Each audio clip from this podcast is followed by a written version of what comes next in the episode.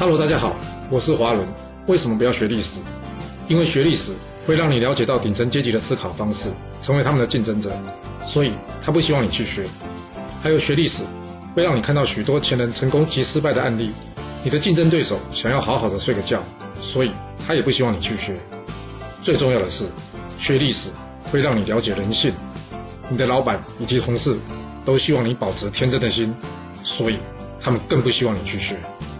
就是因为这些原因，接下来我要跟你说的是故事，而不是历史。今天主题是啊，小人怕什么？聪明的人要怎样才会有好下场？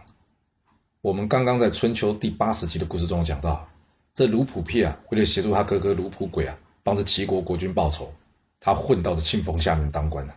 他先是巧妙的掌握了庆丰不满崔杼的专权心态。利用这庆丰呢，除掉这崔杼，接着呢，在看到庆丰掌权，并将大权交给他儿子庆舍之后呢，基于庆舍是一名勇士的背景啊，于是他在投其所好，找机会把他哥哥卢普轨给介绍给这庆舍。最后啊，利用庆氏专权与这大臣之间彼此的矛盾，他成功煽动高栾两氏起兵除掉这庆氏。这过程中呢，他失去的岁月时间不说，连自己老婆都赔上了，但。像他这样的人，为什么最后却沦落到被放逐边疆的下场呢？其实就是古话一句啊，“功高震主”啊，而且有时候啊，功高还不只是会震主的，同时还会震动身边的同事的。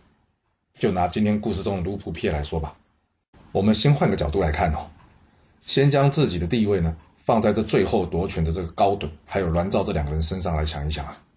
要是你没有办法确定这两个一文一武的兄弟一定会忠心于你，那你会希望这两个人留在你身边吗？要知道，这两个人可是成功的由下而上除掉两个齐国大家族的幕后黑手。或许你会想说，嗯，这一文一武的兄弟不是已经证明自己确实有能力啊？那为什么高趸跟栾照不用他们呢？这一切关键呢，还是要回到高趸、栾照两个人身上来说。我们先从高等、栾兆因为吃不到鸡爪这件事而生气来说吧。这国君大权旁落，他们俩都不吭声了，倒是为了一盘鸡爪而动怒。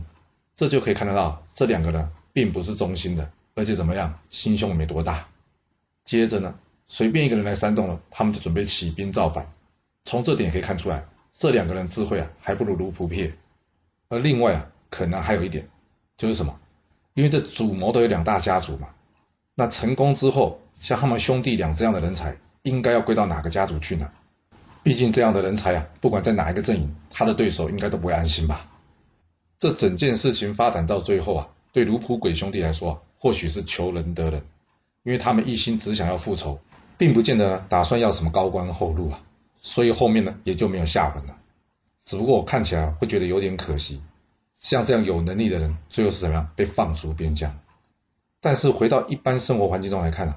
你是不是也常常会发现啊，有许多人兢兢业业的把工作完成，对公司忠心度也是满满，但是到最后呢，不是被冷冻，就是一直得不到老板的赏识啊。他呢，总是在救火的时候呢，公司才会想到这种人。这下场有没有像上面这两位兄弟啊？那为什么会发生这种事呢？我们先不说聪明的人或是苦干实干的人哦，会不会瞧不起那些啊只出一张嘴的人？光是他有能力解决问题啊，这一点。就足以让这身旁的小人睡不安稳了，因为要是公司提拔人的标准啊，变成了用实际上的攻击来决定一切，啊，那这些小人还要混什么？所以小人们当然在他形成气候之前，想办法打击他了。而这苦干实干的聪明人呢，要是能发现这个问题呢，跟小人们附和一下，这小人会想说，嗯，你还听话哦，那或许还会有一线生机。要是刚好呢，他又表现出对他们爱理不理的样子，哇！对这些小人来说，怎么样？那就必须把这个人除掉了。对小人来说啊，只要能除掉他，什么鬼话谎话，他没有什么说不出、做不到的。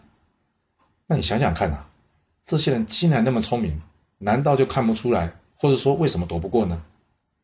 这个我们可能要从一开始的目标设定来说吧。因为许多聪明的人哦，心理上常常会认定他做的事情什么样是对公司有利的。既然是对公司有利，那就是对老板有利，是吧？老板理性上应该会知道或是支持他的，真的是这样子吗？从结果来看，好像不是哦。你觉得老板一定会知道什么事情对公司有利吗？你看看春秋这么多的国君，有几个脑袋清楚的？他有办法理智去判断的？不要说这些国君呐，我们一般人也很难做到嘛。而且老板也是人呐，也是会有情绪的。这人性呐，他是不喜欢被人家否定的。所以，要是老板的决定错误被这个聪明的下属给指正，你说他心里会开心吗？我想大多数的老板心里难免会不高兴，觉得被人挑战了。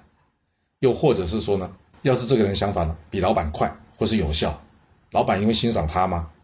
这也不一定吧，因为这样子做可能会让老板没有高高在上的感觉啊。要不然，曹操跟杨修猜这绝妙好车故事就应该不会发生，不是吗？所以你说他真的能得到老板支持吗？从古到今呢，小人谋害忠臣的故事啊，大概数都数不清。这就表示什么？忠臣呢，确实是小人的眼中钉、肉中刺，让他们睡不安稳、害怕又讨厌的人。所以呢，他们必须将他除掉。而我们也可以发现呢，这些聪明的忠臣呢，大多专注在什么？处理事情，而缺乏对上有效沟通，最后落得怎样？好心没好报。这也就是历史上这一大票忠臣的结果。那换过来看我们自己啊。我们要如何避免自己落到这个圈套呢？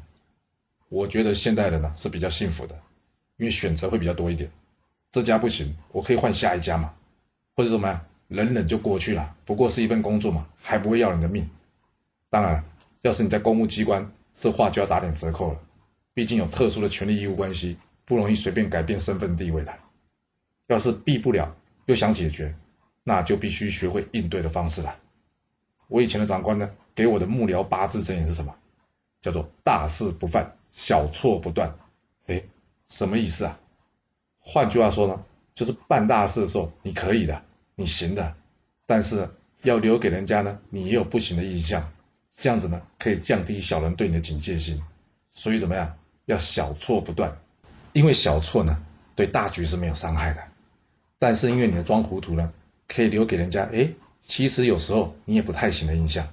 这样可以降低小人对你的警戒心呐，就像很多人呢会将自己的人设设定成什么傻白甜，其实呢也就是想要让人家觉得他没有攻击性，甚至是博取同情。简单来说吧，其实呢这都是一种丛林的伪装术啊。要是你说嗯不行，装傻我不会，那下面四个方法或许你可以试试看，因为在这都市丛林中啊，有另外一种说法叫做士兵武装，哪武装啊？就是装死、装病、装傻、装笨、装不会。既然不会装傻，那就试试其他四种吧。要是你说还是不行，因为我个性太直，我不喜欢装。嗯，那就好好提升自己的沟通能力吧。不过要怎么提升自己的沟通能力啊？哇，这要是来讲的话，这篇幅实在太大了，我找机会再说吧。但是要先建立一个观念哦，千万不要把会沟通跟花言巧语画上等号。要是你还是说这些我都学不会。那我想呢，也就只能好好学习理财了，增加自己的被动收入，让自己的财务呢自由，可以多一些选择。毕竟呢，我们现在不是生活在古代，这工作呢只是我们提供劳心劳力换取生活物质的一种方式，并不是说我们没有任何选择，只能对一个公司效忠。你说是吧？若是你有其他想法，也欢迎留言分享你的看法给大家哦。好啦，我们今天先说到这。如果你就是不听我的劝，想知道完整版的故事内容，你可以从说明栏找到我爱故事频道的连结。不过记住哦，你是来听故事的，而不是来学历史的。要是您喜欢这个频道，麻烦您动动您的手指，追踪、留言，或是给我五星评价的支持以及分享。谢谢您来收听，我们下次再见。